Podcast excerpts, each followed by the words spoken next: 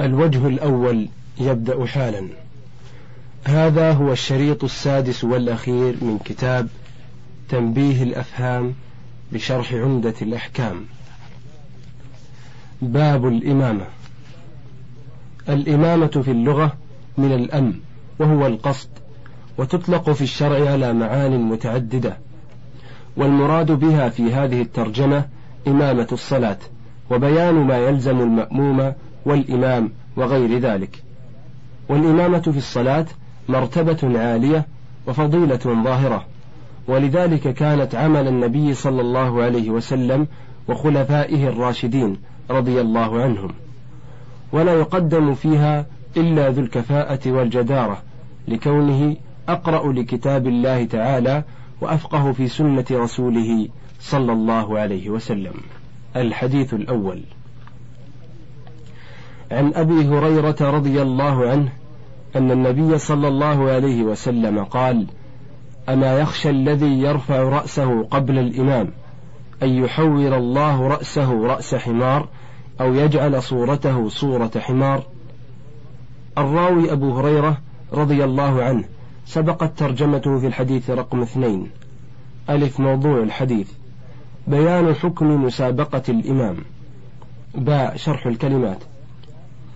أما يخشى الهمزة لاستفهام التوبيخ وما نافية ويخشى يخاف. يحول رأسه يصيره. رأس حمار كرأسه إما حسا بأن ينقلب إلى رأس حمار وإما معنى بأن يكون كرأس الحمار في البلادة. أو يجعل صورته أو للشك من الراوي.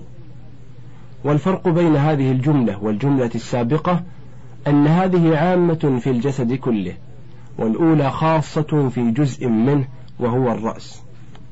جيم الشرح الإجمالي.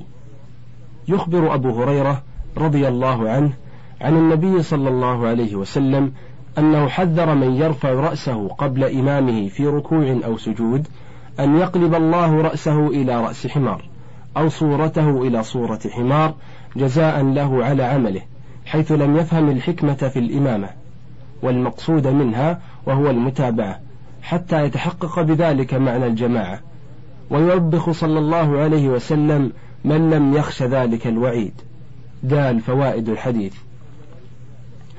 أولا تحريم الرفع من الركوع أو السجود قبل الإمام. ويقاس على ذلك سبقه إلى الركوع أو السجود. ثانيا أن فاعل ذلك معرض نفسه بتحويل صورته أو رأسه إلى صورة حمار أو رأسه. ثالثا أن الجزاء من جنس العمل. الحديث الثاني. عن أبي هريرة رضي الله عنه أن النبي صلى الله عليه وسلم قال إنما جعل الإمام ليؤتم به فلا تختلفوا عليه. فإذا كبر فكبروا وإذا ركع فاركعوا. وإذا قال سمع الله لمن حمده فقولوا ربنا ولك الحمد. وإذا سجد فاسجدوا وإذا صلى جالسا فصلوا جلوسا أجمعون.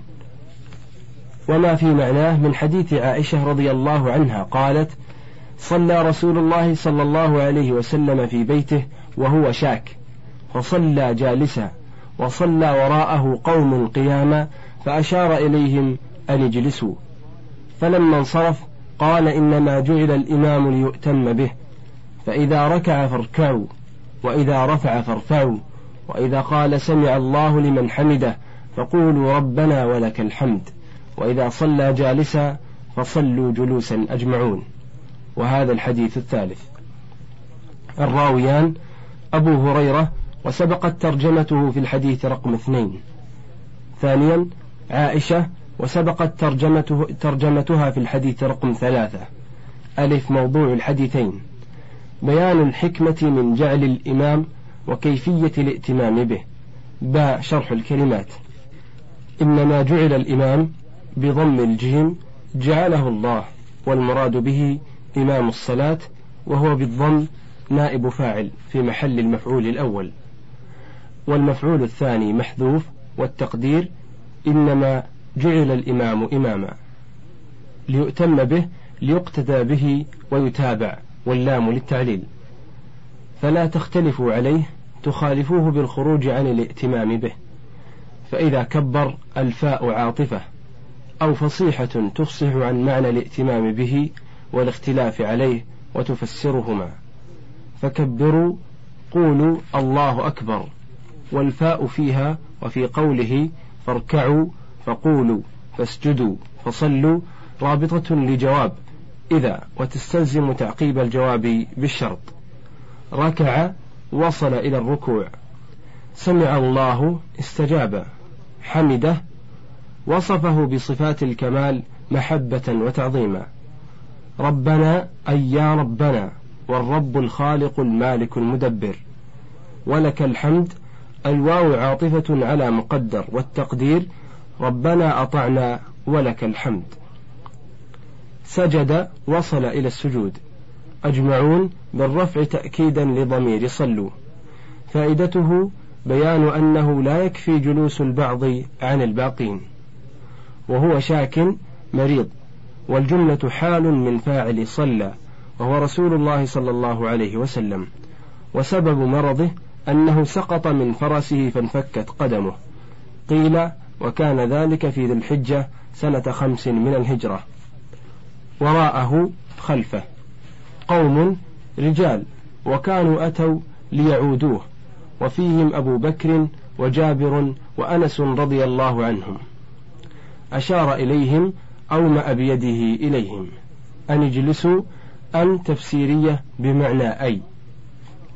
انصرف فرغ من صلاته أو انصرف إليهم بوجهه. جيم الشرح الإجمالي.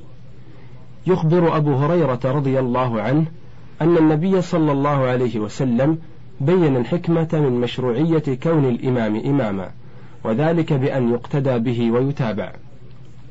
وبناء على هذه الحكمة نهى صلى الله عليه وسلم المأمومين أن يختلفوا عليه بترك المتابعة فتضيع تلك الحكمة. فأمرهم أن يكبروا إذا كبر ويركعوا إذا ركع ويسجدوا إذا سجد. من غير تقدم عليه ولا موافقة له ولا تأخر عنه كثيرا. بل أمرهم إذا صلى الإمام جالسا أن يصلوا جلوسا أجمعون. كل ذلك تحقيقا لكمال المتابعة وعدم الاختلاف عليه. وتخبر عائشة رضي الله عنها بنحو ما أخبر به أبو هريرة إلا أنها تبين سبب الحديث وهو أن النبي صلى الله عليه وسلم كان مريضا من قدمه الذي انفك فجاءه قوم فصلى بهم جالسا وهم قيام ظنوا أنهم لا يجوز لهم الجلوس في هذه الحال مع قدرتهم على القيام فأشار إليهم صلى الله عليه وسلم أن اجلسوا فأخبرهم بعد انتهاء الصلاة أن الإمام إنما جعل ليؤتم به وذكر تمام الحديث. دال فوائد الحديث. أولا بيان أن الحكمة من جعل الإمام هي الاقتداء به ومتابعته. ثانيا تحريم الاختلاف عليه ويكون بواحد من أمور ثلاثة وهي سبقه أو موافقته أو التأخر عنه كثيرا. ثالثا أن كمال الائتمام مبادرة مبادرة المأموم بمتابعة إمامه من غير تأخر. رابعا أن المأموم لا يقول سمع الله لمن حمده بل يقول بدلا منها ربنا ولك الحمد. خامسا أن المأموم يصلي جالسا إذا كان إمامه يصلي جالسا من أول الصلاة. سادسا جواز الإشارة في الصلاة للحاجة وأنها لا تبطلها وإن كانت مفهومة. سابعا جواز الجماعة في البيت للعذر. الحديث الرابع عن عبد الله بن يزيد الخطمي الأنصاري رضي الله عنه قال حدثني البراء وهو غير كذوب. قال كان رسول الله صلى الله عليه وسلم إذا قال سمع الله لمن حمده لم يحن أحد منا ظهره حتى يقع رسول الله صلى الله عليه وسلم ساجدا ثم نقع سجودا بعده. الراوي عبد الله بن يزيد بن زيد الخطمي الأنصاري من الأوس. شهد بيعة الرضوان وهو صغير وكان كثير الصلاة. سكن الكوفة وكان أميرا عليها في عهد ابن الزبير رضي الله عنهما ومات في ذلك العهد. ألف موضوع الحديث. بيان كيفية عمل الصحابة رضي الله عنهم في متابعة الإمام. باء شرح الكلمات. البراء هو ابن عازب ابن الحارث الأنصاري الأوسي شهد غزوة أحد وما بعدها وسافر مع النبي صلى الله عليه وسلم ثمانية عشر سفرا ولم يحضر غزوة بدر لصغره. نزل الكوفة ومات فيها سنة اثنتين وسبعين وهو غير كذوب أي غير ذي كذب والجملة حال من البراء والغرض منها تأكيد ثبوت الخبر لا تزكية البراء لأنه صحابي فلا يحتاج للتزكية بمثل ذلك. ونظير هذا قول ابن مسعود رضي الله عنه حدثنا رسول الله صلى الله عليه وسلم وهو الصادق المصدوق. لم يحن أحد منا ظهره أي لم يثنه للسجود.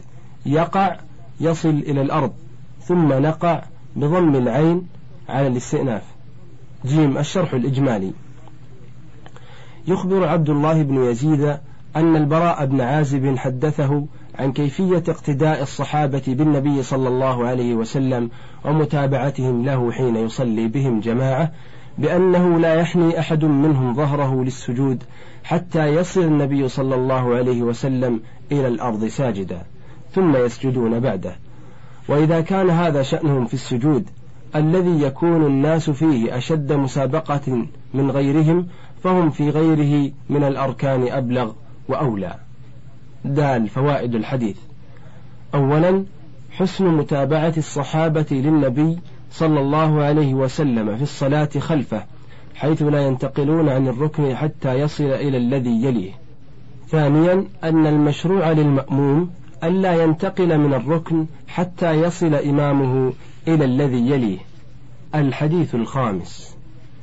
عن أبي هريرة رضي الله عنه أن النبي صلى الله عليه وسلم قال إذا أمن الإمام فأمنوا فإنه من وافق تأمينه تأمين الملائكة غفر له ما تقدم من ذنبه. الراوي أبو هريرة سبقت ترجمته في الحديث رقم اثنين. ألف موضوع الحديث. بيان حكم التأمين ومتى يؤمن المأمومون. باء شرح الكلمات. إذا أمن الإمام أي قال آمين والمراد إذا شرع فيه بدليل اللفظ الثاني إذا قال الإمام غير غير المغضوب عليهم ولا الضالين فقولوا آمين. ومعنى آمين اللهم استجب. من وافق تأمينه تأمين الملائكة أي صادفه في الزمن والمراد بالملائكة هنا من أذن لهم بالتأمين مع الإمام لا جميع الملائكة فيما يظهر. غفر له غفر الله له والمغفرة ستر الذنب والتجاوز عنه. من ذنبه من معصيته. جيم الشرح الإجمالي. يخبر أبو هريرة رضي الله عنه بأن النبي صلى الله عليه وسلم أمر أن يبادر المأمومون بقول آمين إذا أمن الإمام ولا يتقدم عليه ليوافق تأمينهم تأمين الملائكة فيحصل لهم مغفرة ما سبق من ذنوبهم. دال فوائد الحديث. أولا مشروعية قول آمين عند انتهاء قراءة الفاتحة لأن آخرها دعاء فيؤمن عليه. ثانيا الحث على موافقة تأمين المأموم لتأمين إمامه. ثالثا أن الملائكة تؤمن مع المصلين. رابعا أن من وافق تأمينه تأمين الملائكة غفر له ما تقدم من ذنبه.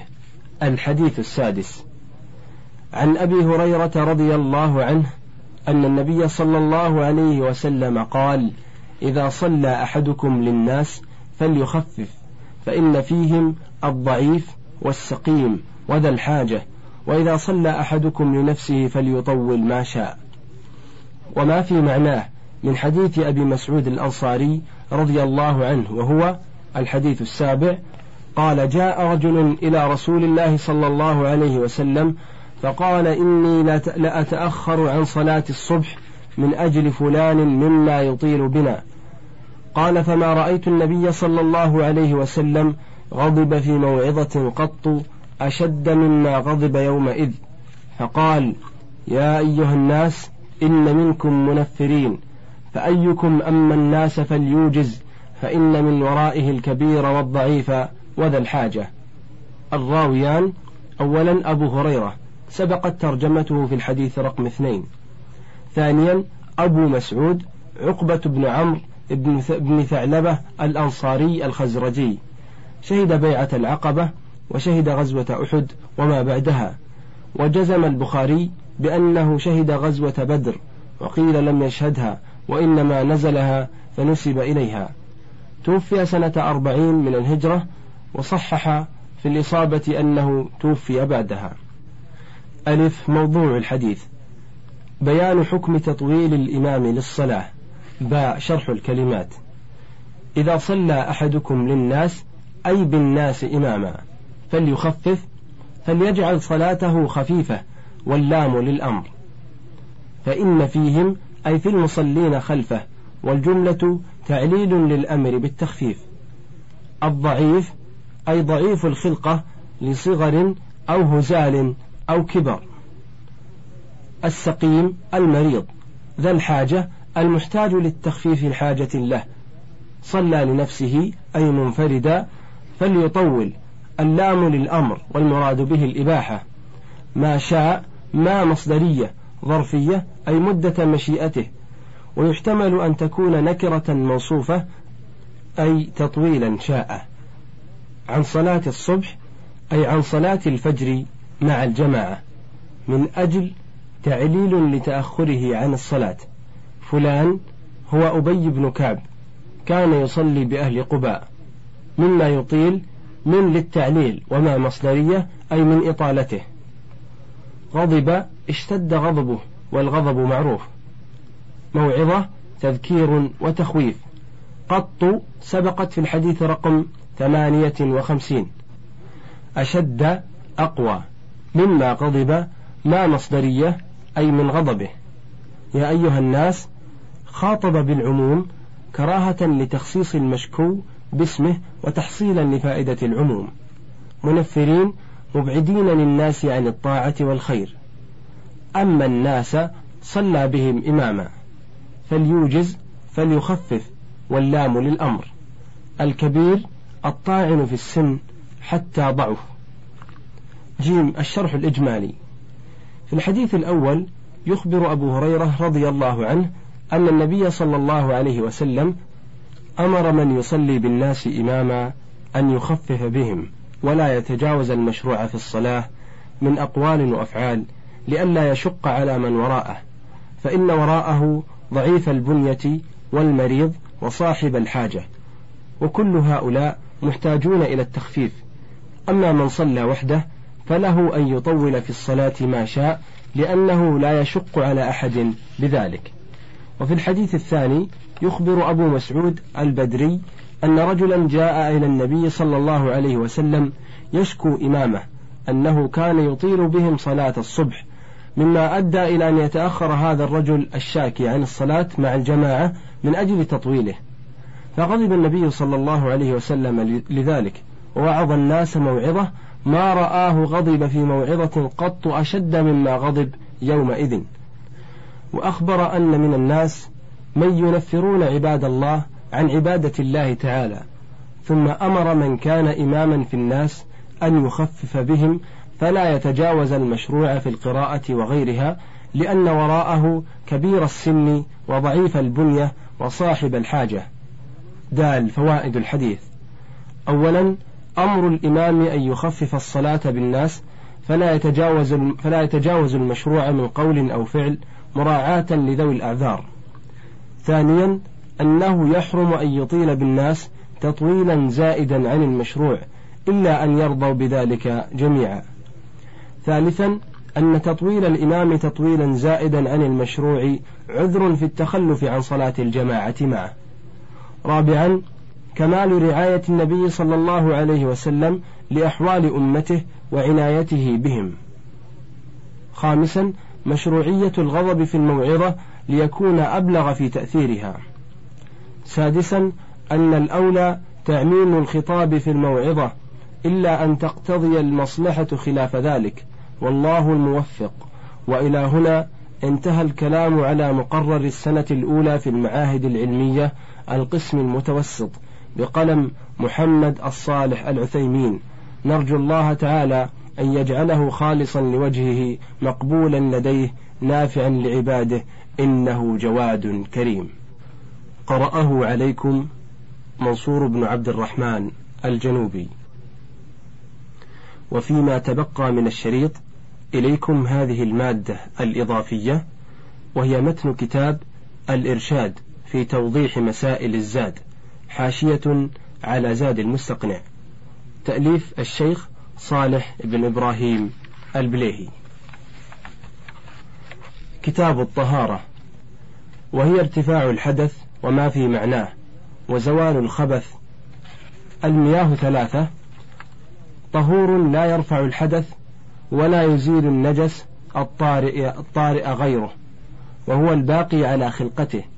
فإن تغير بغير ممازج كقطع كافور ودهن أو بملح مائي أو سخن بنجس كره.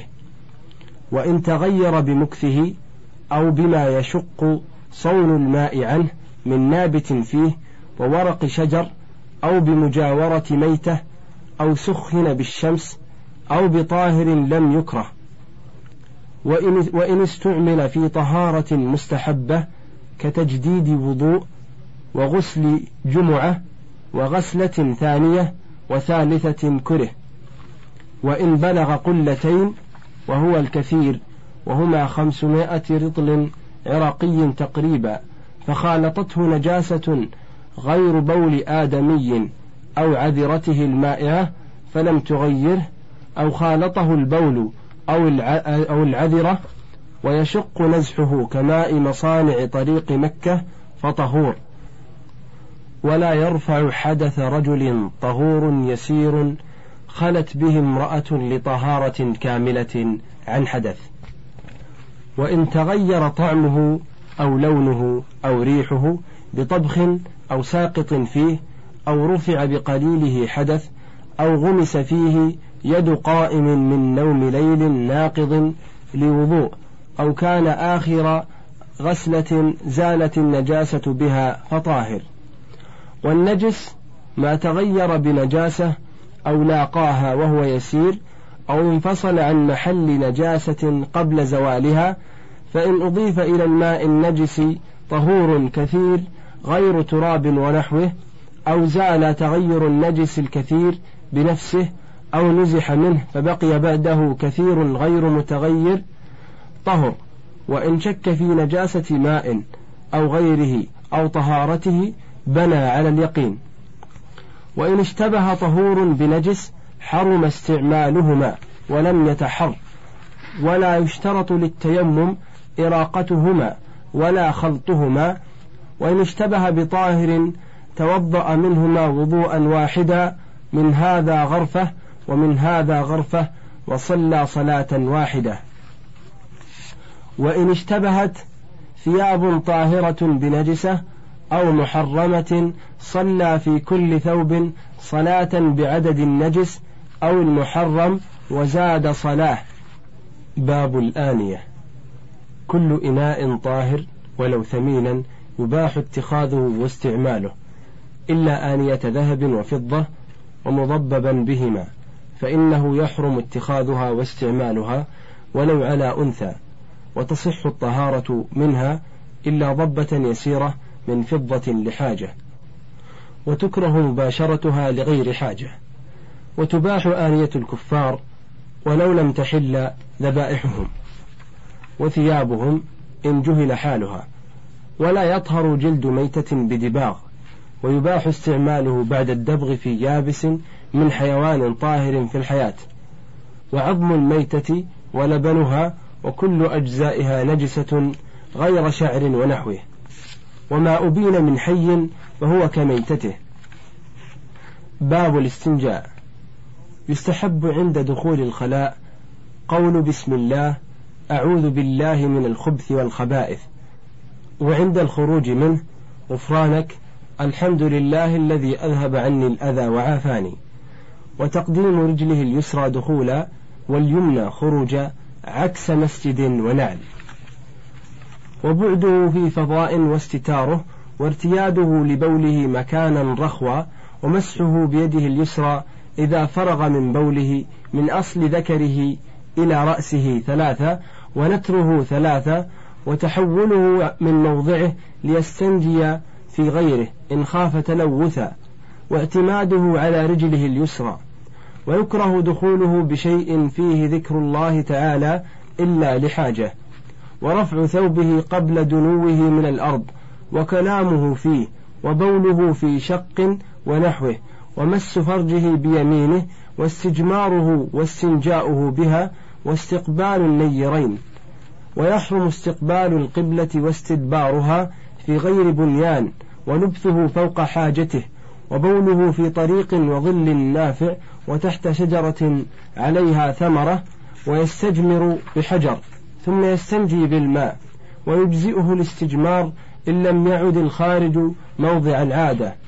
ويشترط للاستجمار بأحجار ونحوها أن يكون طاهرا منقيا غير عظم وروث وطعام ومحترم ومتصل بحيوان. ويشترط ثلاث مسحات منقية فأكثر ولو بحجر ذي شعب ويسن قطعه على وتر ويجب الاستنجاء لكل خارج إلا الريح ولا يصح قبله وضوء ولا تيمم. باب السواك وسنن الوضوء. التسوك بعود لين موق غير مضر لا يتفتت لا بإصبع وخرقة مسنون كل وقت لغير صائم بعد الزوال متأكد عند صلاة وانتباه وتغير فم. ويستاك عرضا مبتدئا بجانب فمه الأيمن ويدهن غبا ويكتحل وترا. وتجب التسمية في الوضوء مع الذكر ويجب الختان ما لم يخف على نفسه ويكره القزع. ومن سنن الوضوء السواك وغسل الكفين ثلاثة ويجب من نوم ليل ناقض لوضوء والبداء والبداءة بمضمضة ثم استنشاق والمبالغة فيهما لغير صائم وتخليل اللحية الكثيفة والأصابع والتيام والتيامن وأخذ ماء جديد للأذنين والغسلة الثانية والثالثة. باب فروض الوضوء وصفته. فروضه ستة غسل الوجه والفم والأنف منه.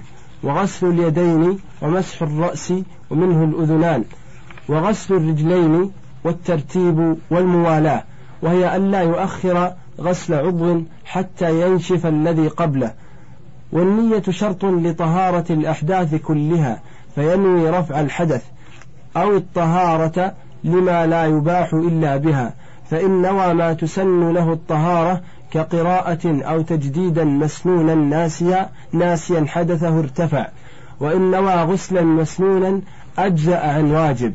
وكذا عكسه. وإن اجتمعت أحداث توجب وضوءا أو غسلا فنوى بطهارته أحدها ارتفع سائرها. ويجب الإتيان بها عند أول واجبات الطهارة. وهو التسمية. وتسن عند أول مسنوناتها إن وجد قبل واجب واستصحاب ذكرها في جميعها ويجب استصحاب حكمها. وصفة الوضوء أن ينوي ثم يسمي ويغسل كفيه ثلاثة ثم يتمضمض ويستنشق ويغسل وجهه من منابت شعر الرأس إلى من حدر من اللحيين والذقن طولا. ومن الأذن إلى الأذن عرضا وما فيه من شعر خفيف والظاهر الكثيف مع ما استرسل منه ثم يديه مع المرفقين ثم يمسح كل رأسه مع الأذنين مرة واحدة ثم يغسل رجليه مع الكعبين ويغسل الأقطع الأقطع بقية المفروض. فإن قطع من المفصل غسل رأس العضد منه ثم يرفع نظره إلى السماء ويقول ما ورد. وتباح معونته وتنشيف أعضائه.